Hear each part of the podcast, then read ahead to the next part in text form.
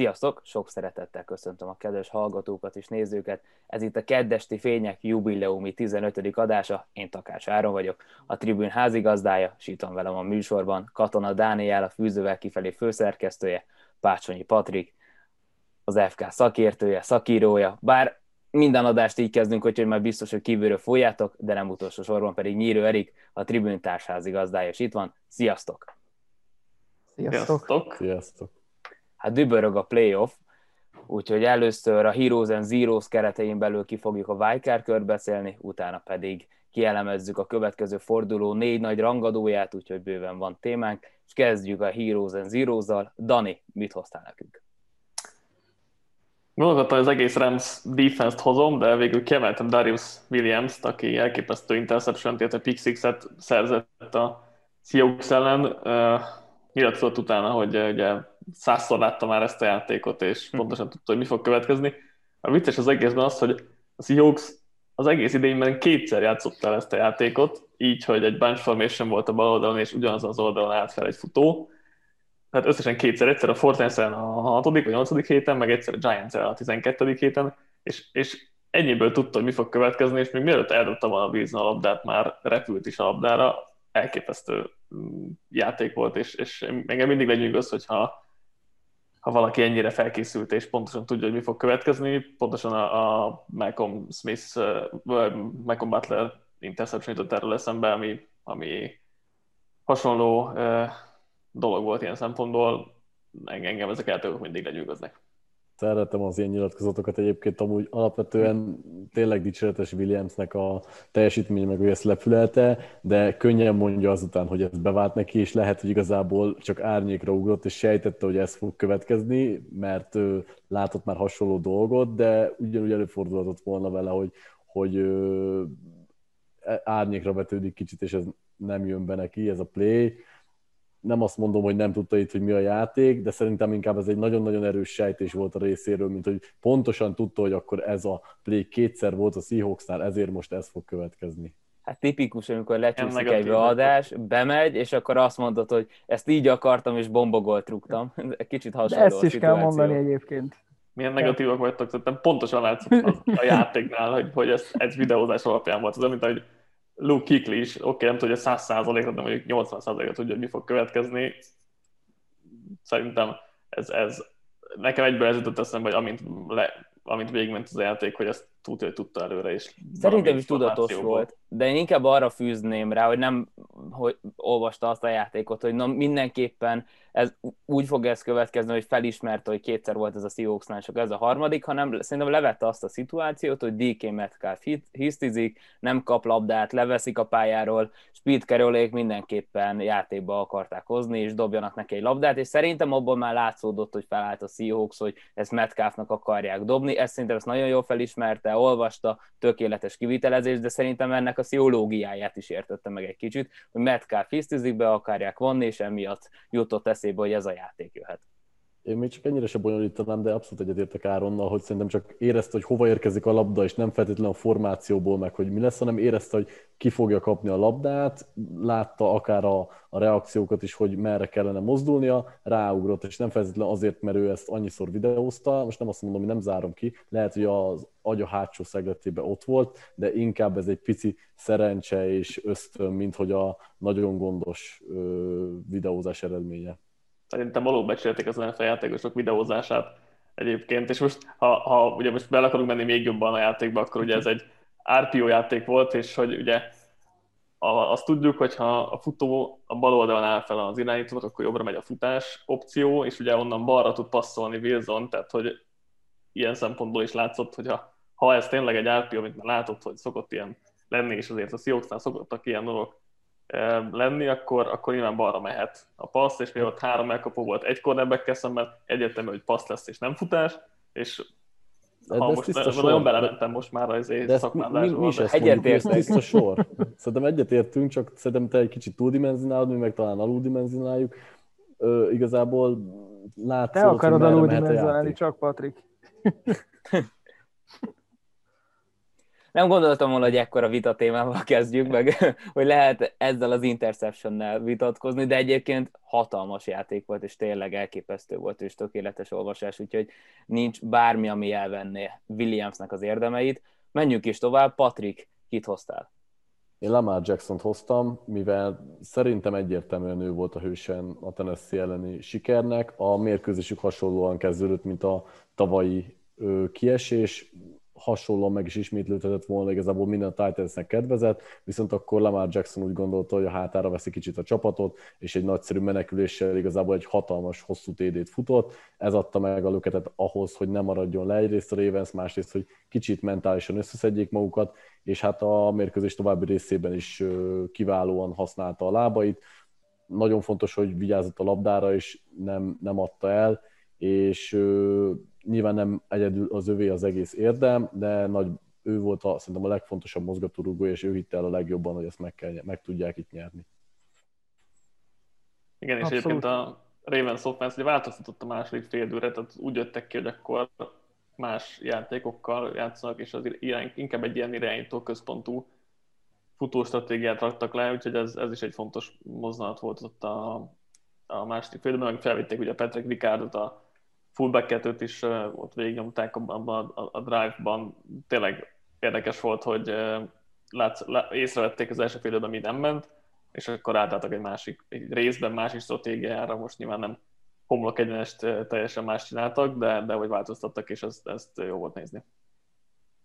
Hát amit kiemelnék még Lamar Jacksonnal, meg a Ravens edzői gárdájával kapcsolatban, hogy nekem nagyon tetszett az, hogy tanultak a tavalyi mérkőzésből, és törekedtek arra, hogy ne veszítsék el a meccset, és ne legyen ugyanaz a helyzet, mint tavaly, és a futó, futásra nagyon jól felkészültek, Derek Harry teljes mértékben megfogták, de közben azért nem voltak túlságosan konzervatívak, hülyek maradtak a filozófiájukhoz kellően, agresszívan játszottak, de mégis arra figyeltek, hogy ne essenek túlzásba, és ne adjanak a Titansnak lehetőséget. Tökéletesen menedzselt mérkőzés volt, mind Lamar Jacksonnal kapcsolatban, mind a Ravens edzői gárdájának a felfogása. Nem vállalták túl magukat, de mégis kellően bátran játszottak. Annyit nyújtottak, amennyi kellett, és majd beszélünk a Titansről, hogy mennyire konzervatívak voltak úgyhogy ez egy nagyon-nagyon okos játék volt, de valószínűleg a Bills ellen majd több kell, de ez majd, erről majd később beszélünk.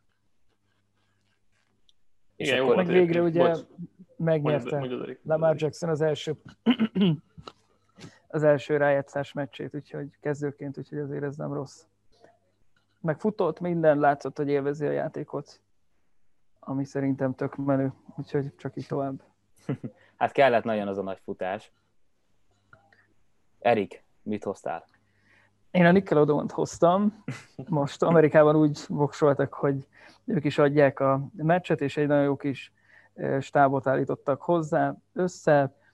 Gyerekek magyarázták el a szabályokat, anekdok, anekdotáztak, meg TD-knél voltak ezek a, a slime ágyuk az enzónokban. Egészen jó pofára sikeredett. Egy-két dolog van, amit még ugye csiszolni kell, azt beszéltük itt az adás előtt is, hogy Cordella Petersonnak a káromkodását, az bármennyire gyerekbarát volt a bűsor, az sajnos maradt az élőadásban. Majd talán valamit kitalálnak, és a spongyabokból egy hangsáv az majd kitakarja ezeket a jövőben. De minden, minden esetre jó pofa volt. Nekem azért még mindig kérdés, hogy ennek a célközönsége az valóban a 11-2 éves gyerekek, meg a náluk fiatalabbak, vagy vagy inkább ezek a későn érő fiatal felnőttek. Mert ugye azt tudjuk, hogy a, ezt nemrég hallottam, de hogy a Clone Wars-nak is az animációs sorozatát azt igazából a 25-35 éve közötti férfiak nézik, nem a gyerekek, bármennyire is meséről beszélünk. Na, úgyhogy egy szó mint száz, ezt a piacirést ezt elég jól észrevették. Hát igen, igen. Beszéltük Erikkel, hogy nekünk is van egy van ismerősünk, aki szintén 20 éves, de kellőképpen megragadta ez a próbálkozás, és tetszett neki a Nickelodeonnak a közvetítése. Meg ami nagyon tetszett, és szerintem menő, hogy Sean Payton bevállalta, hogy egy ilyen zöld trutyival leöntsék. Ja, legvégén. Bevállalós az öreg fiú, úgyhogy nem tudom, hogy egyébként, hogy egy gyerekeket ez mennyire vonza, hogy, hogy van-e az annyira még így is nekem nagyon vérszegény volt, hogy sokkal több impulzus kell a mai gyerekeknek, és főleg egy ilyen unalmas Saints mérkőzésen, szerintem még inkább kreatívabbnak kéne lenniük, most minden TD-nél ilyen slime ágyuk vannak, és azért a CGI nem volt az igazi, meg ott a persze volt egy-egy tök jó szakkommentátor, de amikor a egyik női kommentátornak az volt a feladata, hogy húzzon meg, akkor na, itt a slime, és az kiabálja, az kicsit mondjuk nekem kevés volt. Nem tudom, talán Spogyabob vagy Patrik közvetíteni, vagy az ő szinkronjuk közvetíteni a meccset, az még dobna rajta. De első próbálkozásnak jó, de még azért bátrabb lennék én a Nickelodeon helyébe. Hát nyilván ebből nem tudnak rajzfilm sorozatot csinálni az élőadásból, úgyhogy arra még valóban várni kell. Én pedig Ron Rivérát és Heinikit hoztam, mert hát azért vitattuk, hogy a Redskinsnek, mármint a futballtímnek mennyire van jogosultsága a playoffban, de hát a, bejutottak, és bizonyították azt, hogy igenis ott van a helyük, vagyis, hogyha már bejutottak, akkor élvezni fogják a játékot, nem az lesz a céljuk, hogy egy nagy vereséget elkerüljenek, hanem akkor boom or bust, minden megpróbáltak, nagyon bátor play hívásokkal, kreatív játékok, Heiniki nem láttuk jönni, a hatalmas játékot nyújtott, szerintem ezzel kiharcolt egy szerződés magának, csere irányító szinten, de így helye lesz az NFL-ben, és nagyon szimpatikus volt a futballtím, hogy mindent megtett. Ha a védelem egy kicsit jobb napot fog ki, és Tom Brady mondjuk nem hoznak ennyire kiváló, potens támadójátékot, akkor még szorosabb lehetett volna ez a meccs. Nem láttuk, hogy a, jönni, hogy a futballtím támadósora ennyire jó lesz, a védelemtől vártunk többet, pont onnan nem jött az extra, úgyhogy mindenképpen legalább egy jó mérkőzést kaptunk, és az nagy dolog a futballtímtől. Találniuk kell egy irányítót, mert fényes a jövőjük, szerintem egy jó kis csapat van, Ron Rivera egy nagyon jó edző, összerakta a csapatot, látszik, hogy a a rohadt almákat, a kukacos almákat kidobálja a csapatból, és megtalálja azokat, akik beillenek a rendszerbe, de irányító nélkül azért nem fognak tudni olyan magasra jutni, azt meg egyelőre nem látom, hogyan fognak találni franchise irányítót, úgy, úgyhogy sok a kérdője Washingtonban, de izgalmas a csapat. És akkor jöjjön a Zero, Dani. Én uh, Tomlint hoztam, Mike Tomlint, mert uh, hát olyan borzasztó edzői döntést hozott, vagy döntéseket hozott pontosabban a Browns amik, amik a meccsbe kerültek, talán mondhatjuk így, de, de legalábbis abban biztosan, hogy, hogy esélyt legyen visszajönni a Browns itt a, itt a nagyon furcsa első nél után.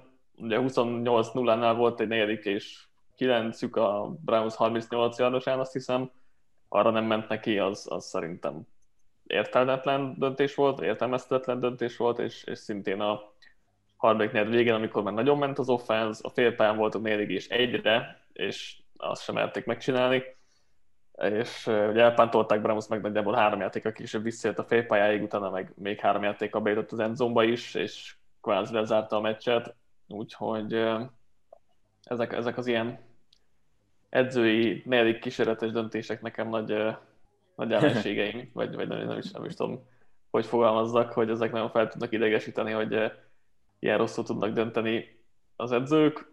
Lát, nem csak Tominnál láttuk ezt a, a héten, de, de talán ez volt a legdurvább. Egyébként, mondja Patrik. Elkezded Áron, mert akkor átkötöm a sajátomra. Jó, nekem még egy olyan kérdésem lett volna, hogy arról már beszéltünk, hogy Big Bennek mennyire lehet akár esélye a következő évben el kellene tőle köszönni, vagy maradjon-e, de Mike Tomlin azért régóta ott van a Steelersben, jó edző, meg tudott újulni sokszor, folyamatosan playoff csapatot rak össze, de azért látjuk, hogy főleg ezekben a negyedik szituációs döntésekben azért már nem ez az első eset, amikor rosszul dönt. Elköszönnél tőle, Dani, hoznál egy modernen felfogású edzőt, vagy van, van annyira jó edző Mike Tomlin, hogy hiba lenne elküldeni?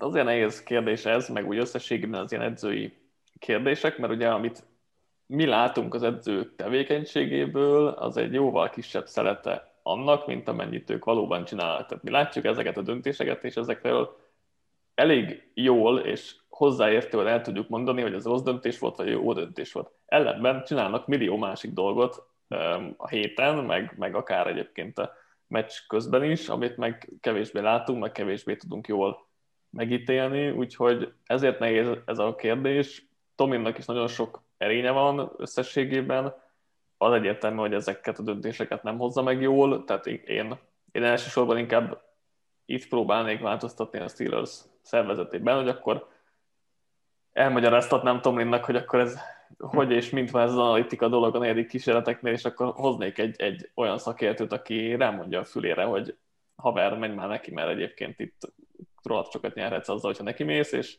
ha nem mész neki, akkor meg sokkal kisebb esélyed lesz a győzelemre. Szerintem inkább, inkább ezt kéne így szervezet szinten eszközölni, és nem csak a Steelersnél, hanem akár majd beszéltünk Seahawksról, Titansről, meg egyébként nagyon sok másik csapatról.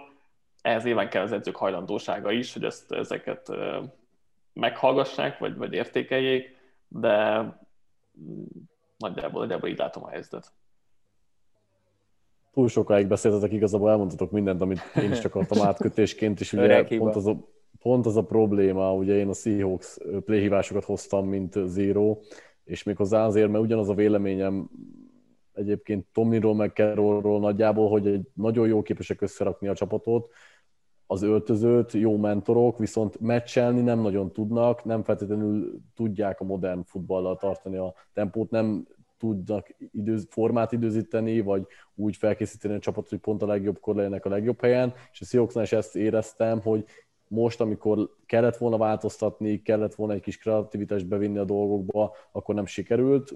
Nem volt könnyű ezzel a Rams defense ellen semmit se csinálni, de azt se éreztem, hogy akkor most próbálnának, ha már Carol annyit mondja, hogy ő, minél többet kell futni, ugye sikerült lenyilatkozni ezt most újra, akkor, akkor legalább most a Rams ellen, amikor látszott, hogy a Rams nagyon coverage-ben nagyon elveszi a levegőt az egész csapattól, akkor legalább valami hatékony futójáték féleséget találjon ki, vagy ha nem, akkor pedig rakjon olyan passzjátékot össze, ami rövidebb passzokból áll, vagy, vagy kicsit máshogy épül fel, mint amire a Rams épült. Ez nem sikerült neki, és akkor hasonló kérdések vannak, mint Tomlin esetében is, mert Szívesen Carroll se küldeném el, egy alapvetően jó beállítottságú mentoredző, aki szerintem nem annyira tud meccselni.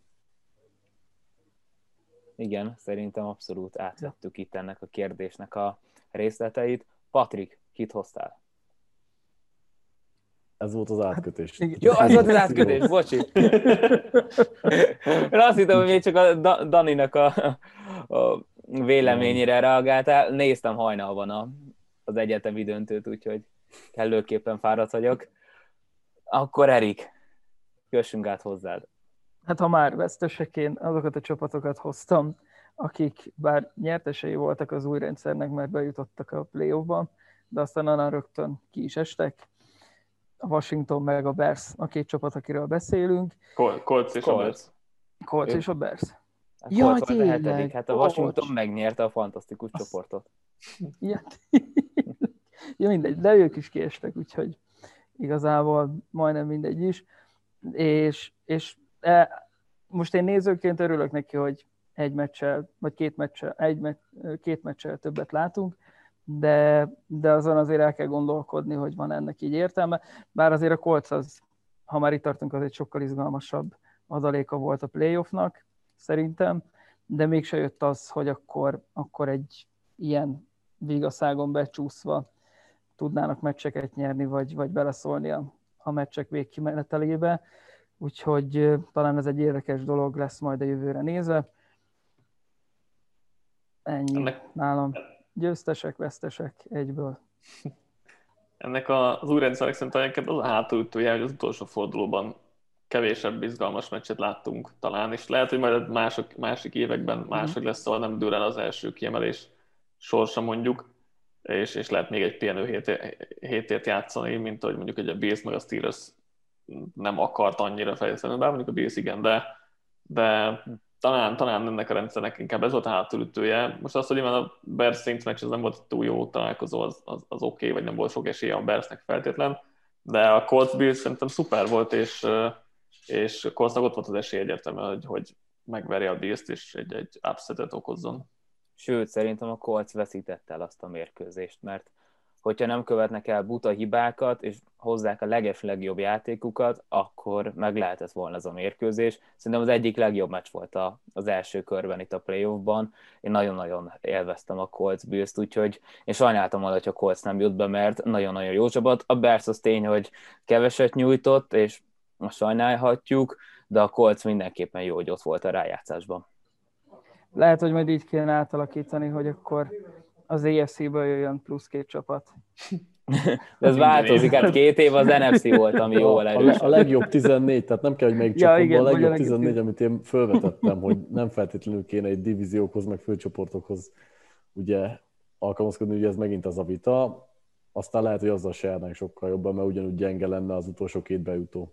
Hát az első játszana a 11-kel az nagyon szép mérkőzés lenne, vagy hogyha mondjuk a harmadik a 14-kel, az is Hát mondjuk Ott akkor jöhetett volna egy Bill Saints, vagy ugyanúgy lett volna egy Bill Saints, úgyhogy igen. igen. És akkor menjünk át a prime time rovatunkra, amiben kiveszünk. Áram, neked, neked nincsen zero? Ne, van, mondtam, hogy fáradt vagyok. a, az én zírom pedig Vrabel. Hát kibeszéltük itt a, az edzői döntéseknek a hülyeségeit, és Vrabelnek a konzervatív hozzáállását hoztam. Volt egy negyedik és kettő szituáció, amikor négy pontos hátrányba voltak, és neki kellett volna menniük a Ravensnek a 40 yardosán, és elpántolták a labdát, ez számomra teljesen értetetlen, igazából bármi más jobb lett volna ennél a döntésnél, és hát egy mérkőzés meg kell nyerni, nem az a lényeg, hogy a vereséget elkerült, és ebben az esetben azért az analitika azt mondja, hogy menj neki, és szerintem azért hogy a csapatok nagy része is neki ment volna, úgyhogy egy playoffban nem is értem, hogy hátrányban miért nem mész neki a negyedik negyedben, a másik pedig, hogy Vrében nem tudta elengedni a futást, és emiatt tartottam, mert azért láthattuk, hogy Tenehill és a passzjáték jól működik, AJ Brown megverte folyamatosan az embereit, a Packersbe például a Defante Adamsnek nagy napja van, akkor tömik labdával, és addig, ameddig nem szégyellik, és ugyanezt kellett volna AJ Brownnal tenni, minél több labdával tömni, akkor még több play action játékot hívni, mert látszott, hogy az is nagyon jól működik, és értem én, hogy akkor Derrick harry futtatjuk, és mikor nem számítanak rá, akkor majd passzjátékot hívunk, de nagyon kevésszer lépték ezt meg, és ez szerintem óriási hiba, el kellett volna tudni ők engedni a futójátékot, és ez lett a Titansnek a veszte. Hiába bízol abban, hogy Derrick Harry el fog szabadulni, a Ravens rengeteg igazolást csinálta a, szabad, a szabadügynök piacon, hozták a kilókat, működött, úgyhogy nálam az edzői felfogás nagy vesztese a Titans-nél. És akkor most át is megyünk a prime time rovatunkra, kibeszéljük a négy mérkőzést. Az első mérkőzésünk szombat 22-re 35-től Green Bay Packers, Los Angeles Rams ahogy az előző héten is most is kérdéses, hogy ki fog irányítani a Ranzben a mérkőzésem. Hát Green Bay Packersben azért megszokott, hogy meggyűlik a Packersnek a baja a mobilis irányítókkal. Ebből a szemszögből akár Wolford játékony, játék a hatékonyabb lehet? Erik, mint mondjuk Goffé? Nagyon jó kérdést. Én ugye Packersosként első körben tök örülök neki, hogy nem Tom Brady-éket kaptuk, és nyert a Rams. Úgyhogy, úgyhogy szerintem az mindenképpen egy nagy plusz most a csapatnak.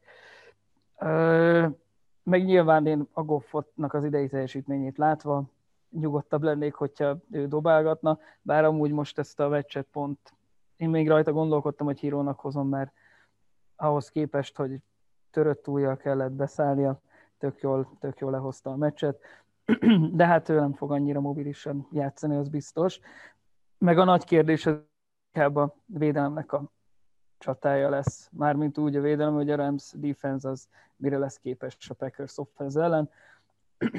Ugye Aaron Donald az egészséges lesz, azt mondják, ami, ami szerintem a nagyobb rizikófaktor Aaron Rodgers esetében, mert, mert ő nem szereti, amikor ennyire intenzív pass kap.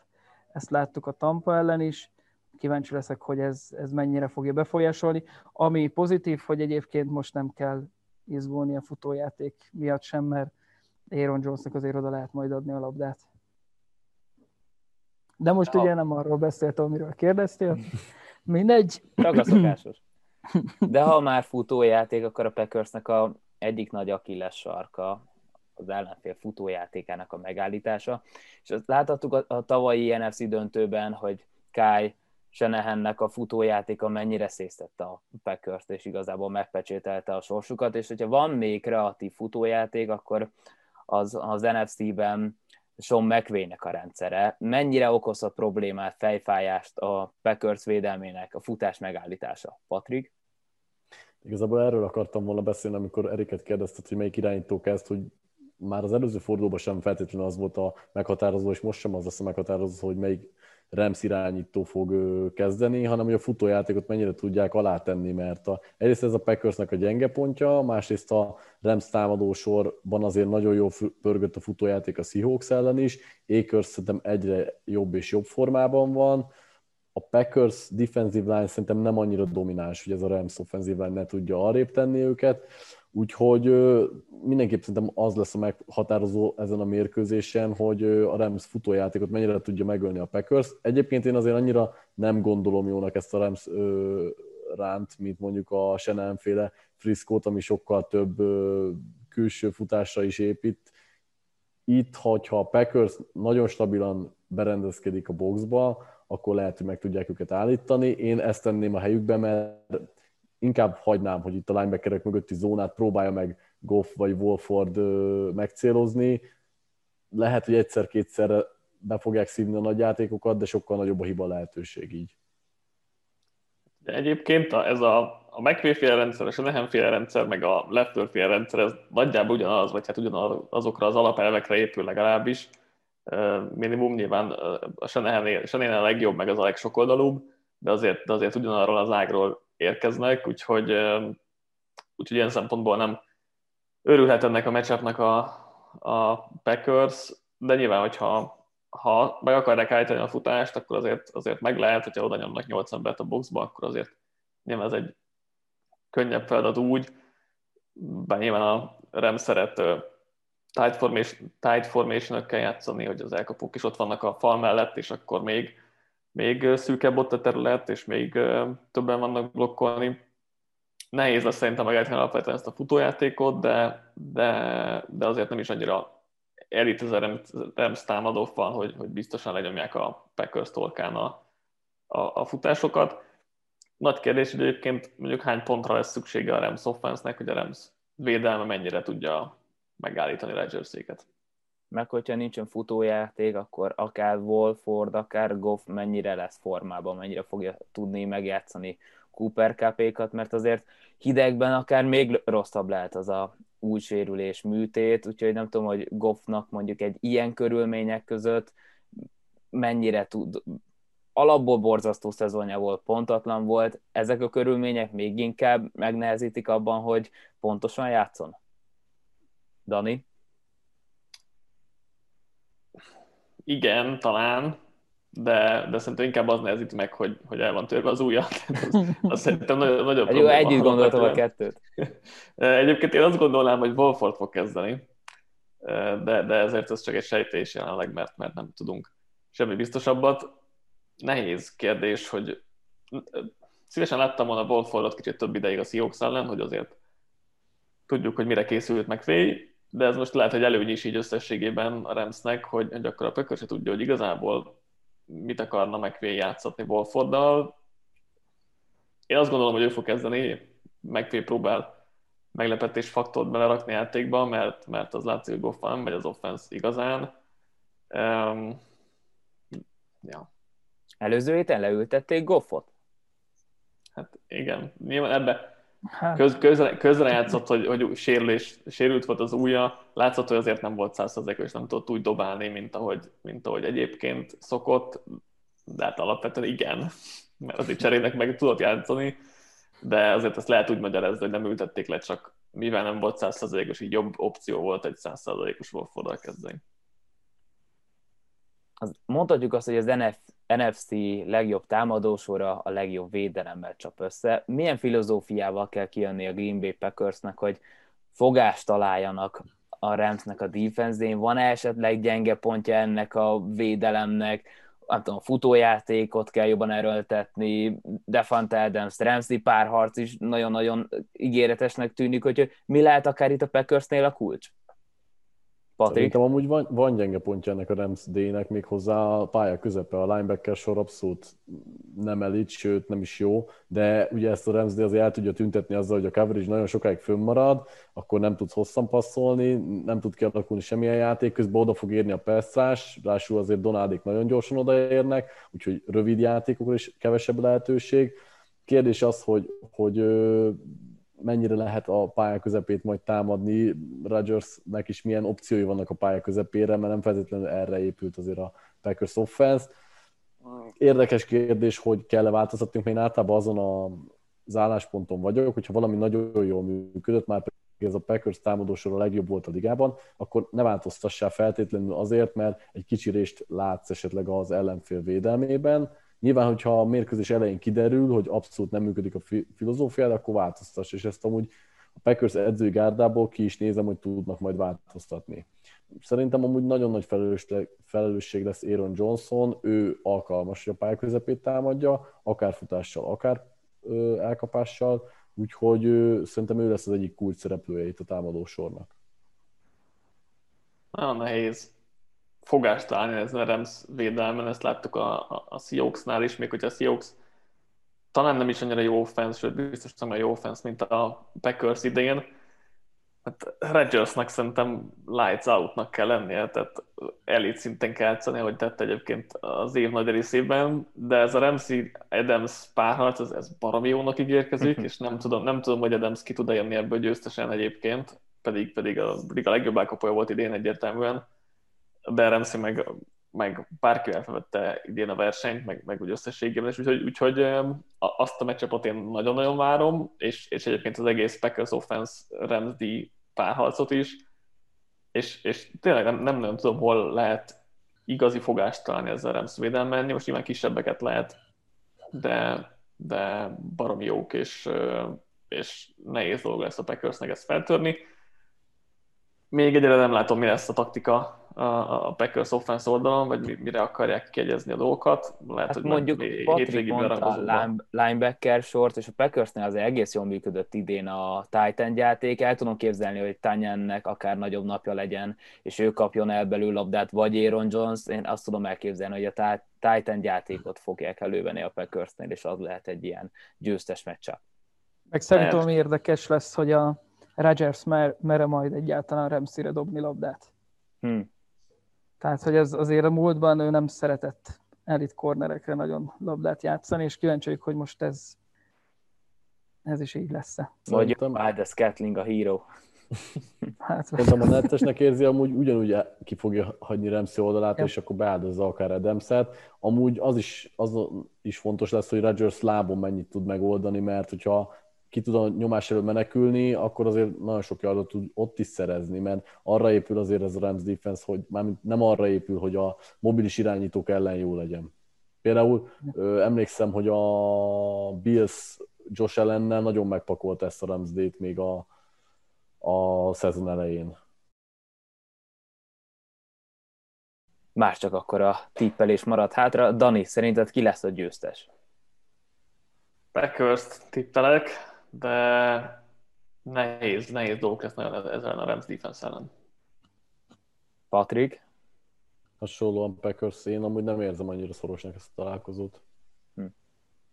Erik, mennyire fázol a Én is a packers mondom, én, csak, én csak azért izgulok, mert kb. egyik tippem se jött be idén. Remélem, Akkor Léci, ne a Packers sor, mint, hát muszáj hát akkor tartom a sormintát, én is a Packers mondom, de látok azért bőven ebben veszélyt, meg a védelem a Rams oldalán nagyon-nagyon félelmetes, úgyhogy nem vagyok nagyobb magabiztos, de jobban örülök a Ramsnek, mint hogyha a Buccaneers kaptuk volna, úgyhogy meglátjuk. Most kiderül, hogy mennyire erős ez a Packers offense igazából.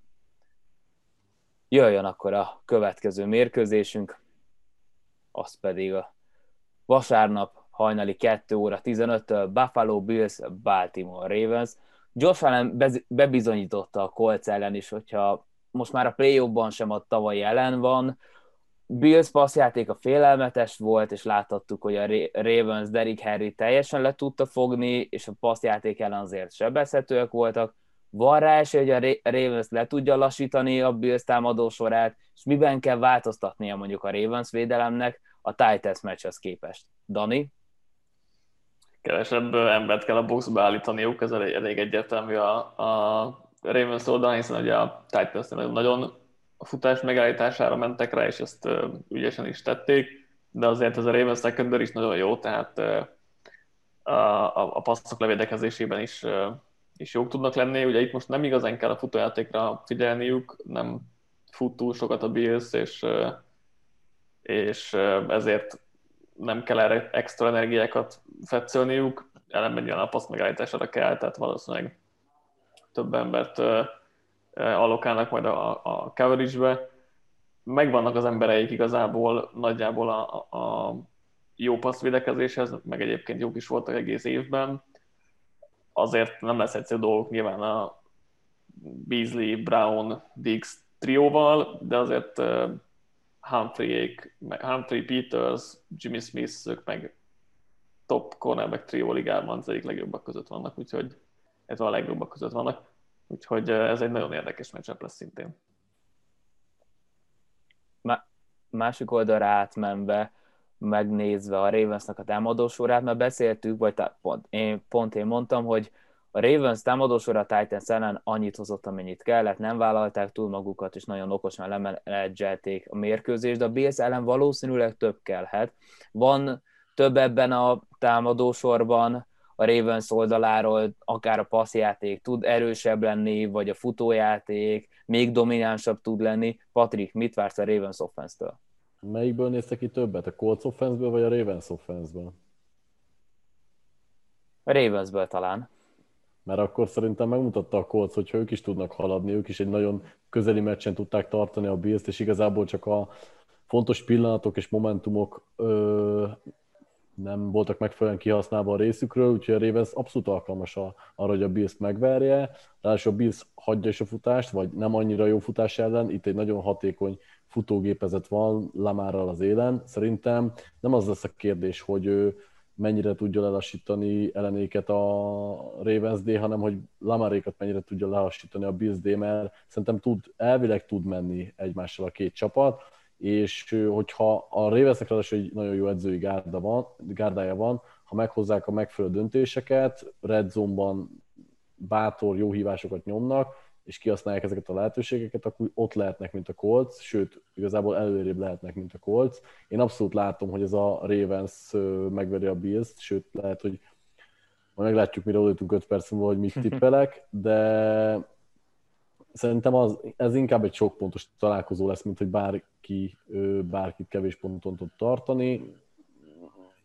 Kiváló matchup szerintem egymásnak a két csapat. Titans Ravens is azt gondoltuk, hogy sok pontos meccs lesz, aztán, aztán mégse lett az. Egyetértek egyébként, hogy alapvetően a Ravens tud halad, tudna haladni a földön, bár ugye ezt gondoltuk a Coltsról is, a Bills és a Bills elég jól megállította a, a futást, sok embert helyeztek ők is a boxba, és erre koncentráltak. Nyilván a Colts és a Ravens futójáték az nagyon más, nagyon különbözik egymástól, úgyhogy ez egy, ez egy másik állatfaj lesz, akivel most fel kell venni a, a, a versenyt, de ugye ez, hogyha most megint több embert raknak be a boxba, és ugye itt is kevésbé kell tartani azért a, a, a passzjátékoktól, akkor azért jobban limitálhatják, mint, mint mondjuk a, az egész éves futás védelmi számaik mutatják. Meglátjuk, hogy sikerül, azért ezt a, ezt a Ravens offense nem egyszerű megállítani, és, és azon nem értek egyet teljesen, hogy, hogy csak annyit adtak ki magukból, mint amennyi kellett, mert, mert azért meg kellett újulniuk a meccsen, és több nem volt egyszerű dolgok a titans mert a Titans is meglepően jól védekezett, úgyhogy nem tudom, hogy annál sokkal jobb-e, vagy sokkal jobb tud-e lenni a, a Ravens offense, nyilván ez is védekezés függő talán inkább arra gondoltam, hogy annyira nagy átütőerőt nem éreztem azon a mérkőzésen a Ravens-től, de az bőven elég volt, amit nyújtottak a Titans ellen. De közben a Titans védelem is sokkal jobban nézett ki, mint amit vártunk tőlük, és hogyha, ez nem tudom, hogy ez a playoffnak köszönhető, vagy a Titans jött ki ennyire jó gameplannel, mert nagyon gyenge volt ez a secondary, meg az egész védelem, és hát arra számítottunk, hogy legalább 40 pontot, 35 pontot fel fog pakolni a Ravens, és nem tudták olyan gyorsan haladni rajtuk keresztül, és pont ez lesz a, az érdekes téma, hogy a Bills láthattuk, hogy sokkal több ember küldött a boxban, a a Colts ellen, mert úgy voltak vele, hogy verjen meg minket reverse passzjáték, amit hogy Jonathan Taylor szétfussanak, és beszéltük, hogy a Billsnek az a felfogás, hogy akkor a passzjátékot levédegezik, és hagyják futni az ellenfelet, és hívják is magukhoz, de ebben kicsit változtattak, és ez győztes taktikának is bizonyult. A, ezen a mérkőzésen is akkor sokkal több ember kell küldeni a boxban, meg kell állítani a futójátékot, és akkor Lamar Jackson majd passzal verjen meg minket, de egyáltalán meg lehet állítani a Ravens támadósort, ezt a futó játékot úgy, hogy nagyon sok ember küld, küld ezt a boxba. Dani, látod azt, hogy működjön ez a taktika, vagy van annyira kreatív ez a rendszer, hogy nem fog működni, és nem lehet limitálni ezt a futójátékot?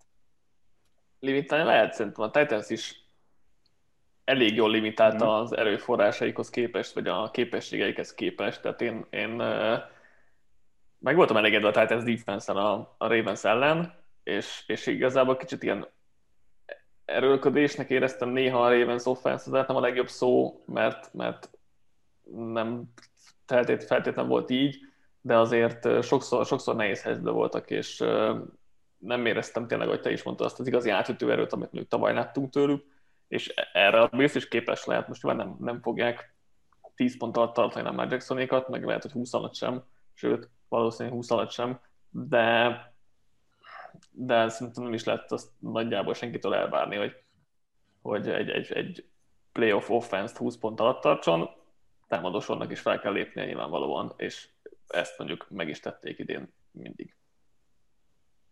Melyik lehet az a párharc szerinted, Erik, ami X-faktor lehet a mérkőzésen? Melyik játékosok léphetnek elő? Melyik lehet az a matchup, amit mondjuk nem feltétlen várunk, hogy nagyon-nagyon fontos legyen, de döntő lehet a mérkőzés során?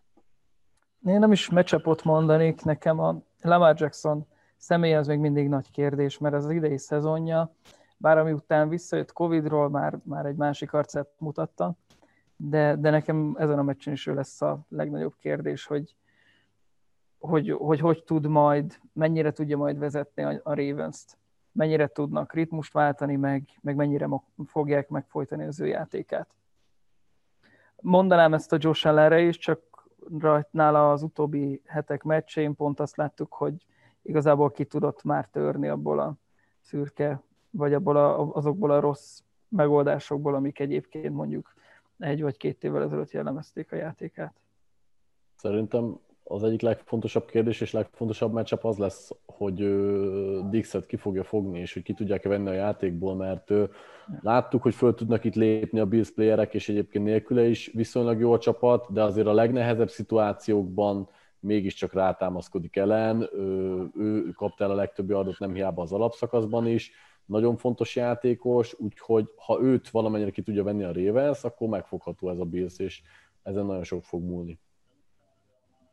Dani, te kit mondanál, ami cool szituáció lehet, akár Dixon kívül mondjuk a Billsnél? Hát én is alapvetően erre, a, a, erre gondoltam, hogy a Bills passzjátékát hogyan fogja tudni limitálni a Ravens. Szerintem ezen dőlhet el a mérkőzés leginkább.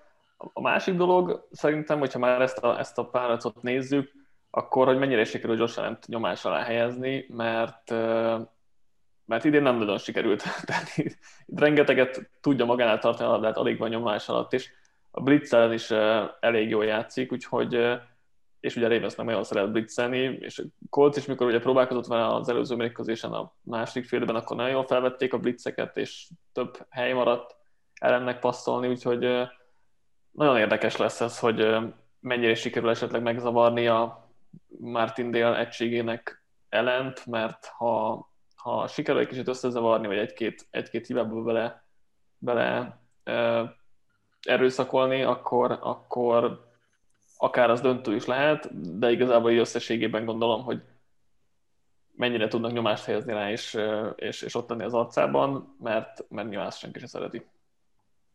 Én még Marquis Brandt mondanám, hogy esetleg meg tudja fogni valamennyire Bills a futójátékot, és nem lesz, nem lesz annyira hatékony a Ravensnél, akkor azért a Titans ellen nagyon-nagyon jól használta Lamar Jackson, Marquis Brandt, hozott nagyon sok yardot elkapás után fontos szituációkban találta meg, úgyhogy ezen a mérkőzésen is kulcsfontosságú legyen, hogy Marquis Brown VR1 szinten játszon, mert a playoffban tavaly is láthattuk, hogy az elkapók, ha nem tudtak elszeparálódni, azért az gond volt a Ravensnél, úgyhogy Marquis Brown jó játéka, meg Andrews fontos elkapásai fontosak lehetnek a Ravensnél, hogy a megfelelő elkapó munka is meg legyen a mérkőzésen. Most nehezebb dolga ez Brownnak, mert egy bizonyos Trey White fog rajta védekezni leginkább. Hát igen. Hogy eh, kicsit, kicsit erősebb, mint a Titans cornerei. Ennyien szólva. És akkor tippeljünk. Dani? Bills, maradok a Billsnél, de szerintem sokkal jobban erőt volna a Buffalo annak, hogyha Steelers jött volna most szembe, és a Ravens mehetett volna a Chiefshez. Szerintem nagyon nehéz dolga ez itt a, itt a Billsnek, és ez is egy borzasztó jó meccsatnak ígérkezik. Ez a szombati dupla meccs, az fú, nagyon város tényleg. Patrik? Nem, Ravens. Hm. Röviden, tömören. Erik? Én is a Ravens mondom. Hú, én a bills mondom, mert jobban hiszek a passzjátékban, és azért gyorsabban lehet haladni, és hogyha ég a ház, akkor a passzjátékhoz kell nyúlni, és szerintem az döntő lehet bár hogyha nagyon tudja menedzselni az órát, az meg a Ravensnek lehet akár ö, előny, úgyhogy ez egy nagyon szoros mérkőzés, és nagyon nehezen megfogható. Mind a négy mérkőzés nagyon várom, de talán itt lehetnek a legnagyobb drámák, aztán meglátjuk, mert a playoff az kiszámíthatatlan. Én a Bills mondom, de, de nagyon-nagyon nehéz megfogni ezt a mérkőzést. Szerintem három meccs is simán lehet dráma a végén, és nekem három meccs, az mindegyik paromi város. Melyiken nem nagyon látod a drámát? Kö- követ, következő, amiről következőleg fogunk beszélni. Akkor menjünk is a következő mérkőzésünkre. Kansas City Chiefs, Cleveland Browns, vasárnap 21 órától. Hát mm, a Kansas City Chiefs kezdői két hetet is pihenhettek. El tudjátok kézzelni, hogy kicsit rozsdásan jönnek ki, mint mondjuk tavaly a Texans ellen? Erik? Én ezt mindig el tudom képzelni, benne is van a pakliban de azzal együtt, hogy ezt el tudom képzelni, azt már nehezebben képzelem el, hogy annyira rozsdásan jöjjenek ki, hogy, hogy tényleg veszélyben legyen a győzelmük a Browns ellen. Mert az azért, én tök örülök, például a Browns az nálam egy nagyon üde szín volt most a rájegyszersban, tök jó volt látni, hogy így elverik a Steelers-t, most ezt egy kicsit szubjektíven mondom, de, de, de szerintem a Chiefs ellen ez már, ez már azért abszolút kevés lesz, meg nekem azért még a Mayfield ez mindig nagy kérdés, hogy, hogy, hogy tud-e olyan jó formát hozni mondjuk. Bár mondjuk az előző héten se rajta múlt, de azért nem játszott rosszul.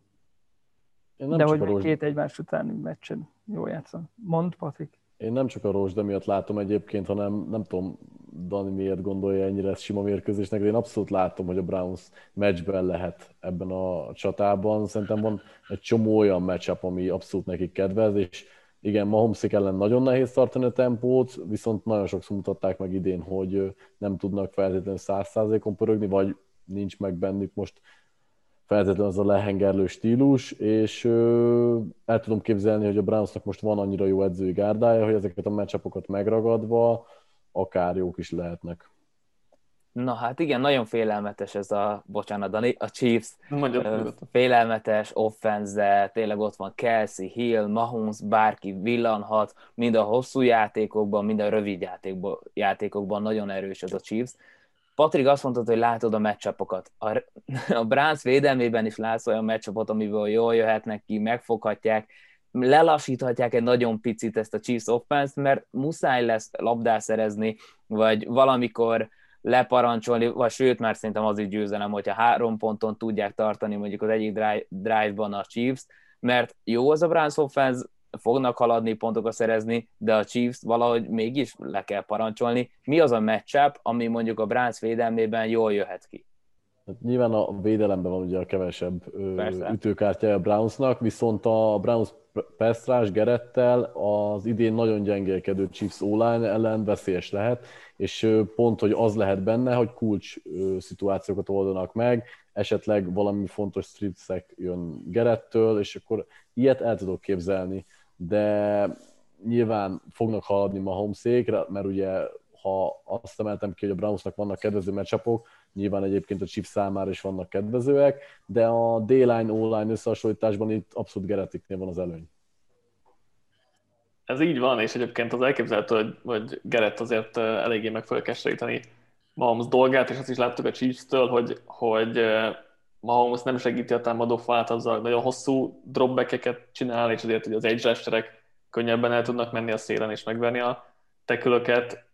Tegyük hozzá, hogy azért ebből elég sok pozitív játék is kiszokott jönni Mahomes-tól, mert így nyert plusz időt annak, hogy el tudja dobni messzire a, a labdát, de ezen kívül én, én nem látom itt Browns hogyan állítja meg a Chiefs, mert, mert a secondary az, az borzalmas, és most remélhetőleg Denzel Ward vissza tud térni, és azért az sokat dobna a, a, a védekezésen, mert, mert ő azért az első számú elkapokat elég jól levette idén, bár Tyreek Hill nem egy jó matchup szerintem neki sem, meg úgy senkinek. Sem Igen, de, de azt nehezen látom, hogy ez a secondary hogyan állítja meg Mahomesékat abba bízhatnak, hogy, hogy a red zone-ba sikerül levinni mondjuk a támadókat, és akkor és, és a Chiefsnek a red zone offense az nem túl kiemelkedő idén, és, és akkor ott lehet három pontokat kierőszakolni a hét helyett.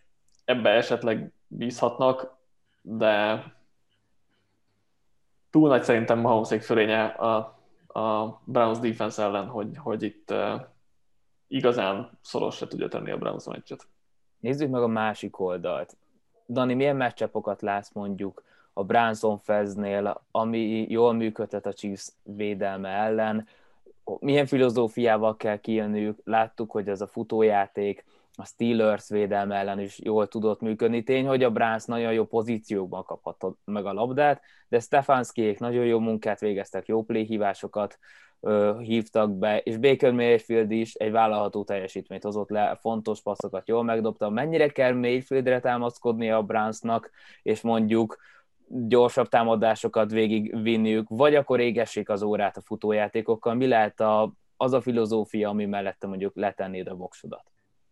Szerintem nem kell a Brownsnak változtatni az eddigi filozófiáján, mert, mert a Chiefs defense nem egy világverő banda, és a Steelers ellen is jól működött alapvetően a támadósor, meg, meg összességében is azért az látszik, hogy, hogy ez a Browns offense ez tud haladni, a támadófal az domináns, és most Bitónia is gondolom vissza fog térni a, a Covid-ról, Covid ilyenről, úgyhogy nyilván a támadófalra kell hagyatkozni, mert, mert ők dominálni fogják a, Chiefs védőfalát, mikor nyilván Chris Jones-t nem is feltétlenül egyszerű mindig arrébb rakni, de, de azért ez a támadó fal, ez tényleg nagyon brutálisan jó, és, és rájuk támaszkodva sok mindent elérhet a Browns, hogyha Mayfield is elég jó formában van, és, és tovább tartja az elmúlt fél éves játékát, akkor a Browns is fog tudni haladni, ebben biztos vagyok, és ők is jó pár pontot fel fognak tudni tenni a, a, a táblára. Nem látom, hogy ez elég lesz Mahomesék ellen, de alapvetően tök az a Browns offense, meg, meg tényleg mm, sok jót lehet róluk elmondani, futások mennek, play mennek, szép eltérőket raknak fel. Mahomesék egy másik kategória szerintem. Főleg, hogy szerintem nem lesz. Mond Patrik. Ez teljesen oké, hogy más kategória a Homesick, de hol látod egyébként, hogy a Chiefs defense meg tudja fogni ezt a Browns offense mivel ennyire domináns támadó fal nincs a ligában, két ennyire jó futó nincs a ligában, ennyire rossz linebacker sor, mint a Chiefs-nél talán nincs a ligában. Chris Jones futás ellen idén nagyon-nagyon gyengélkedik, szóval hogy, hogy nem fogja lenyomni a Browns a Chiefs tor- torkán a futást? Ezek, ezek, ez mindig az, és egyébként jó meccsepei vannak a, a Brownsnak ezen az oldalon. Szerintem a Browns offense nem tud annyira konzisztens, mondjuk a Chiefs offense sem konzisztens, ez is igaz, de, de hogy szóval a Browns offense nem elég konzisztens ahhoz, hogy most minden drive-ból végigmenjen, és nyilván nem is kell minden drive-ból végigmenni, de persze, ebben igazad van, hogy a Browns offense, az, az, annak is jól áll az ászló, de azért ők is elég sokszor belehibáznak. Melyik védelemben látod jobban, hogy labdát szerez, hogy megvillan? Azt a Chiefsben. Azért, mert Brown secondary semmit nem látok, de vagy... Na ez a különbség, mert én egyébként a Brownsban látom, hogy Geret révén, vagy valahol a fal közepén valaki csinál valamit. A Chiefs ö, Mahomes, védelem közepes idén. Mahomes, Mahomes nem az a játékos, akit nagyon stripszekkelni szoktak. Tehát, yeah. Igen, de nem csak a... van, de... Nem, nem, csak, nem csak a stripszek szerintem itt a de tényező. A, Hát, Meg labdaszerzésnél nem csak a védelem tényező, hanem az NFL irányítója is, és melyik irányítóban látom azt, hogy belehibázik, a sokkal inkább Baker Mayfield, mint mondjuk Patrick Mahomes. Ez egy szemű, de... De nem adod a kezébe a labdát. De mennyire, de mennyire nem adod kezébe a labdát? Mert hogyha mondjuk a Chiefs tud előny szerezni, és ez lehet nagyon fontos, hogy, hogy a Browns tudja a lépést tartani a chiefs és mondjuk a, esetleg ott vannak döntetlennel, vagy előttük tudnak tartani, és akkor tudják a, az órát irányítani, és nem kell Mayfield kezébe tenni a labdát, akkor el tudom képzelni, hogy futójáték, rövid passzjáték, Landrit keresni működik. De hogyha már egyszer megbotnanak, és a Chiefs meg tudja szerezni a vezetést, akkor muszáj lesz előbb-utóbb minél több passzjátékot hívni, és nagyon jó kérdés, hogy mikor jön el az a mérkőzésnek az a pontja, mikor el kell térni a futójátéktól, és akkor, hogyha már nagyon kell kockáztatni, akkor Baker Mayfieldben benne van a hiba. Inkább erre gondoltam, hogy nem is a mérkőzés elején, de a mérkőzés vége felé, amikor eldőlhet a mérkőzés, hogyha nem fog hamarabb, akkor sokkal inkább látom azt, hogy Baker Mayfield megremeg, mint hogy Patrick Mahomes hátrályban van, és nem csinálja meg a győztes drive-ot. Amiről nem beszéltünk mégis igazi a duász, hogy Andy Reid és a bye week esete, mert nem tud kikapni kis tudással Andy Reid, hogyha extra, extra felkészülés ideje van. mahomes eddig, hogyha extra idejük volt felkészülni, akkor minden, mindig minimum 31 pontot felvettek a tárgyalra, de legtöbbször 40 fölé mentek ha, extra ha, időt, de lehet, hogy nem a browns mondjuk, készültek. Mondjuk ebből, ebből kiveheted azokat a meccseket, amik igazi bájok voltak, és, és tudták az ellenfelet, tehát most ugye nem tudták, hogy a Brownsra kell készülni egészen eddig, úgyhogy itt most csak azok a meccsek számítanak, amikor a rájátszásban voltak bájon. Oké. Okay. Akkor azt mindjárt megkeresem. Addig tippeljünk. Abba, abban is jól áll, csak akkor ezért ott már nem annyira nagyon nagy fölényes a statisztika, meg nem annyira reprezentatív szerintem hú, mondjuk ez engem is érdekel egyébként. Meg van igazság hát. abban, amit a Patrik mondta, hogy oké, okay, okay, hogy van előny, de nem annyira nagy előny, mint mondjuk az alapszakaszban. Addig tippeljünk. Erik, mit mondasz? Én Chiefs-t, Chiefs mondanék, de, de szerintem nagyon benne van az, hogy kicsit későn kapcsolnak. És Aztán akkor már izgalmas lehet. És akkor már izgalmas lehet, meg, meg ami érdekes stat volt nekem ebben a szezonban, hogy a Mahomes nak nem volt sok interception de neki volt a legtöbb ilyen kétes interception közeli dobása, amiből nem lett végül interception. És ha ez, ez valahol talán megfordulhat, az, az lehet, hogy a Browns ellen lesz, úgyhogy én azért számítok, hogy a Mahomes az fog dobni minimum egy interception de lehet, hogy kettőt is. Hm. Patrick? Chiefs. Dani? Inkább azt kérdezem tőled, hogy, hogy szoros mérkőzés lesz, vagy kiütés? Kiütés nem lesz, mert azért az benne van, hogy az, e, az elején rozsdás lesz a Chiefs, mert azért az tényleg két hét pihenővel az könnyen előfordulhat. Egyébként most megnéztem, mahomes Mahomes és Reed páros, hogyha úgy volt extra hetük, hogy nem tudták az ellenfelet, kétszer volt ugye ilyen, két divisional kör, egyszer 31, egyszer 51 pontot tettek fel jó, hát kettő meccs annyira nem reprezentatív. Nem, az, de hogyha megnézzük... Ezt még nagyon látatlanba a Broncosról sem tudtam volna képzelni. Szóval. Na jó, de hogyha megnézed Reednek az egész karrierét és a bye akkor pontosan tudod, Értem, hogy csak ez nem hagyományos bye tehát azt nem tudod számolni. Patrik felvette már a kesztyűt, és mindenkiből beleköt és vitatkozik nagyon helyesen. Mehetünk is hát a következő mérkőzésre. Tippeltél ami... Áron? Tippeltél? Igen, igen, Chiefs úgyhogy akkor mehetünk is tovább a következő mérkőzésre. Nem tudom, hogy egyébként mennyire hiszek a Browns csodában, tényleg én leírtam őket a szezonban többször, és óriási dolog, hogy ebből visszajöttek, és tényleg le a kalappal, de a Chiefs túl nagy falat, a Ravens vagy a bills tudnám képzelni, hogy megfogják a legjobb napjaikon, a Chiefs azért az necces lesz, meglátjuk. Egy jó mérkőzésnek azért szurkolok. Na és akkor jöjjön az utolsó mérkőzésünk, hétfő 0-0 órakor, 0-0-40-kor kezdődve New Orleans Saints, Tampa Bay Buccaneers. Hát a párharc első két felvonását a Saints nyerte meg, és mikor máskor vehetne revansot Tom Bradék, hanem a playoffban. Erik, nálad ki a találkozó favoritja? Nálam is valamiért a brady egyébként. Én nem mondtam, hogy a brady csak mondom. Ja, akkor nálam. De hát ugye mondtad, hogy most vehetnének revansot. Ez igaz. Én arra, arra reflektáltam. Szerint nekem egy kicsit a, a Brady, de, de, de igazából bármi lehet. Nagyon izgalmas összecsapás lesz. Két öreg ember együtt. Hány vesek összesen volt? 84. 84. Ja. 85 már 4. Úgyhogy ez egy igazi öreg fiúk összecsapás lesz. Abban meg szerintem a Tom Brady jobban áll. Tehát, hogy ő fittebb az életkorához képest hát egészen jókor robbant be ez a Buccaneers offense, és találták meg a formájukat. A passzjátékban Tom brady nagyon erősek, és szétszették a futballtímnek a védelmét, és tényleg most mind a három elkapójuk, sztárjátékosuk nagyon-nagyon jól játszott. De a Saints védelmét láttuk nagyon jól játszani, akár ha már ilyen sokat beszéltünk a Chiefsről, Patrick Mahomes is tudták limitálni bizonyos ideig, úgyhogy ha van csapat, aki fejfájást okoztott Tom Bradyéknek, akkor az a Saints. Patrik, mit vársz a Saints védelmétől, milyen filozófiával jönnek ki, hogyan nehezíthetik meg Tom Brady dolgát, vagy most annyira jó lett ez a Buccaneers offense, hogy nem nagyon lesz ellenszer?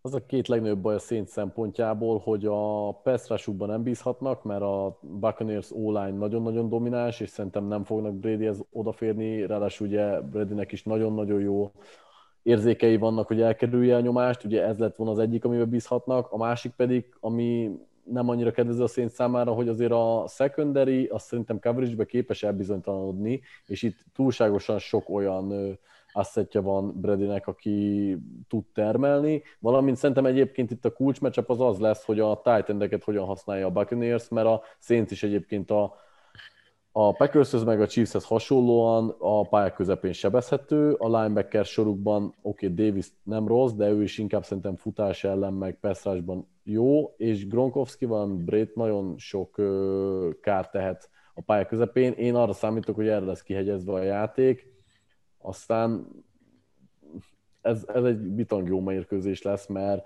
mind a kettő oldalon el tudom képzelni, hogy olyan dolgokkal készülnek, amire nem számít a másik, én Gronkowski segítségével próbálnám egyébként megverni a szénzet.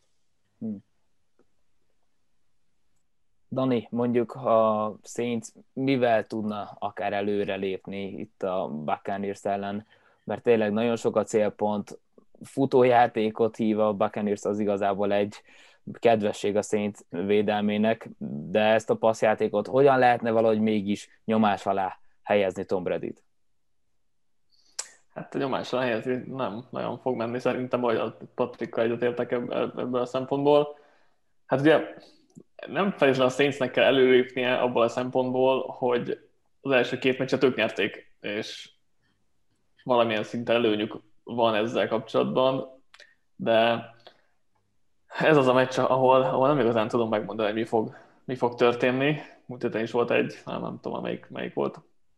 Ravens, nem a Ravens Titans a Rams Seahawks volt, igen, és, és most ez, ez ugyanaz a meccs, ahol nem igazán tudom megmondani, hogy mi fog történni a pályán, és, és így egyébként tippel is nagyon tudok, hogy melyik fog nyerni, úgyhogy nagyon várom ezt, ezt is tényleg. Mm, nem tudok most elég okosat mondani ezzel a meccsel kapcsolatban. Legalábbis főleg egyébként ez az oldalon, mert a másik oldalon még inkább többet a Saints offense, Buccaneers defense de, de hogy hogy a Saints hogy állítja meg a Buccaneers offense azt még így nem tudom pontosan, de azért kétszer már egész jól sikerült limitálniuk őket. Nézzük akkor a Saints offense-t. Drew Breesnek a karja már nem az igazi, ezt megbeszéltük nagyon sokszor itt a keddesti fényekben is, és de a Buccaneers offense azért nem teljesen, bár mint defense nem teljesen ö, sebezhetetlen, azért van a gyenge pontjaik. Mennyire fog a futójátékra támaszkodni a Saintsnek a támadósora, Sean Payton milyen meglepetéseket tartogathat akár, mik lehetnek azok a matchupok, amik jól működnek a Saintsnek. Erik, te mit vársz ennél a párhasznál? Mi volt a kérdés? Bocs, elkalandoztam. Nem számította, hogy téged kérdeznek. Hát az, az, az volt a kérdés, mennyire fog a futójátékra támaszkodni Sean Payton, és Drew Brees-től mennyi kellhet ezen a mérkőzésen, mennyire fog tudni a Saints haladni a Buccaneers defense ellen? Hát mindenképpen kell majd ahhoz, hogy meccsben legyenek, és szerintem futni is fognak, ha már ez a kérdésed. Szerintem egyébként mindenképpen támaszkodni kell Breeze-re, mert a futójáték ellen a Buccaneers nagyon-nagyon erős, és kivételesen nem kamara hátán fognak tudni menni, és én ezért tartok nagyon a szén, vagy ezért tartanék a szén szempontjában nagyon a mérkőzéstől, mert itt inkább breeze kell egy jó játék, hogy menjenek Bredékkel, mint pedig a futójáték, mert a futójátékot semlegesíteni fogja a Buccaneers, Ráadásul Breeze-nél félek attól is, hogy azért a nyomás is rajta lesz sokat, és bele-bele fog hibázni a mérkőzésbe.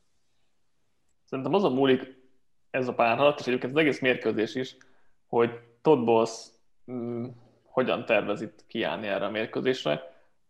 Mm, kicsit konkrétabban úgy, hogy mennyire akarja a cornerback felvinni a line scrimmage köré és gemmelni, tehát gemmelni az elkapókat, mert hogyha távol állnak fel a, a, a cornerback és, és messze zónáznak, akkor szerintem nincs esélye megverni a, a Saints-t, vagy legalábbis ebbe a párazba semmiképp, mert akkor menni fognak a rövid játékok, és, és hogyha ezt engedi Todd Bowles, akkor szerintem nagy probléma van az ő fejében is, meg nagy problémája lesz akkor a Buccaneersnek is, és, és mondhatnánk, hogy hú, hát ez tök logikus, hogy akkor álljanak fel az elkapók arcába, és Breeze akkor sokkal rosszabbul játszik egyébként, van, vannak erre statisztikák, most pont nincsenek előttem, de, de ezt kéne csinálni, és ez tök logikus dolog, és mégsem vagyok benne biztos, hogy Bolt ezt meg fogja lépni, mert több csapat ellen is ez lett volna logikus, a cornerback is így vannak felépítve, hogy gemmeljenek a line of körül, és mégsem csinálja ezt, és felállnak 5-10 yardra,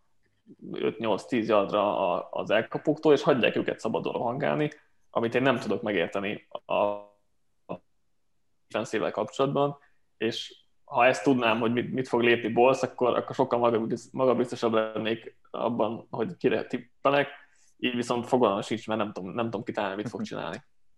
Igen, hogyha a meccsapokat nézzük, és ahogy itt beszélünk erre a mérkőzésről, egyre inkább úgy érződik, hogy a meccsapok alapján a Buccaneers lehet az esélyes. De hogyha átnézzünk edzői fronton, Todd Bowles, Arians-t is kritizáltuk a szezonban, hogy nagyon sokszor rossz játékokat hívnak, és nem a csapat erősségeire építenek, és nem feltétlen van rendben a filozófiájuk, és nem tudják a legtöbbet kihozni a csapatból. Sean Payton meg amiben nagyon jó, hogy a csapatból a leges legtöbbet ki tudja hozni, és az erőségekre épít. Akkor a meccsapokat nézzük, akkor a Buccaneers a favorit, ha edző közötti különbség kijön, akkor meg Sean Paytonnak köszönhetően a Saints lehet az, aki harmadjára is meg tudja verni a Buccaneers-t.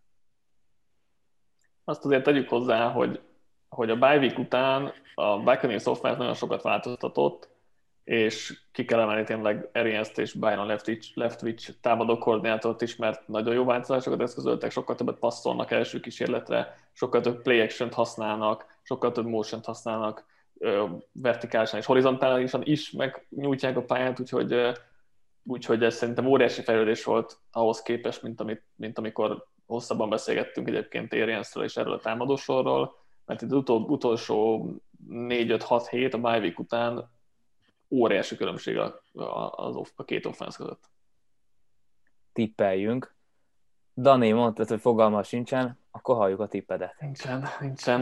Uh, szurkolok a Buccaneersnek, és, akkor és a tippelek rájuk, leginkább irányító közti különbség, Brady elképesztően játszik, és, és Brice pedig kevésbé, úgyhogy, úgyhogy szerintem a, a Buccaneers fog nyerni. De... Patrick? Buccaneers. Erik? Nálam is.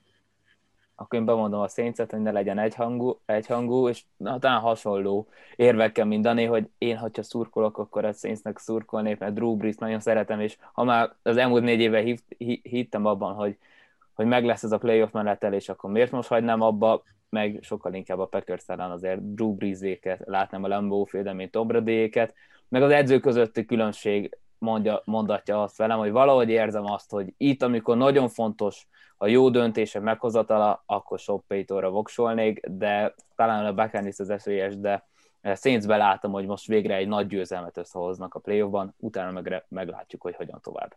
Hát köszönjük. Egy érdekes. Ja, Igen, mondjad, mondjad, Dani. Csak egy érdekes statisztika, hogy a, hogyha egy csapat kétszer megverte már az alapszakaszon a másikat, akkor 75%-ban megverte a harmadjára is. Uh, Na. elég magas. Ez mindenképpen érdekes lesz. Nagyon köszönjük, hogy velünk tartottatok most is, jövő héten is ismételten jelentkezünk. Jó szurkolást, jó futballnézést, sziasztok! Sziasztok! Sziasztok!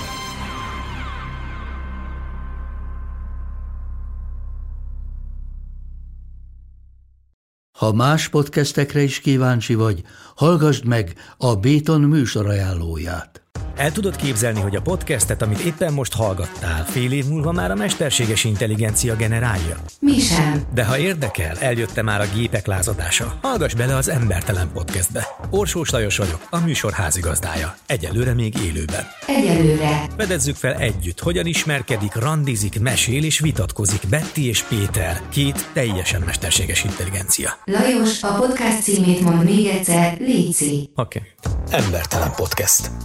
Ez a műsor a Béton közösség tagja.